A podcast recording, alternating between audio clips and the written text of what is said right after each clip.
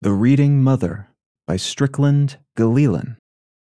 I had a mother who read to me sagas of pirates who scoured the sea, cutlasses clenched in their yellow teeth, blackbirds stowed in the hold beneath. I had a mother who read me lays of ancient and gallant and golden days, stories of Marmion and Ivanhoe, which every boy has a right to know.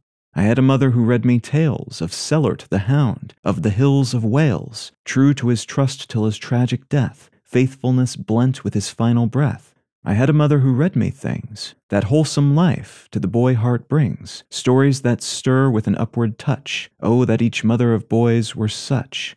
You may have tangible wealth untold, caskets of jewels and coffers of gold. Richer than I, you can never be. I had a mother who read to me. The Reading Mother by Strickland Gillilan.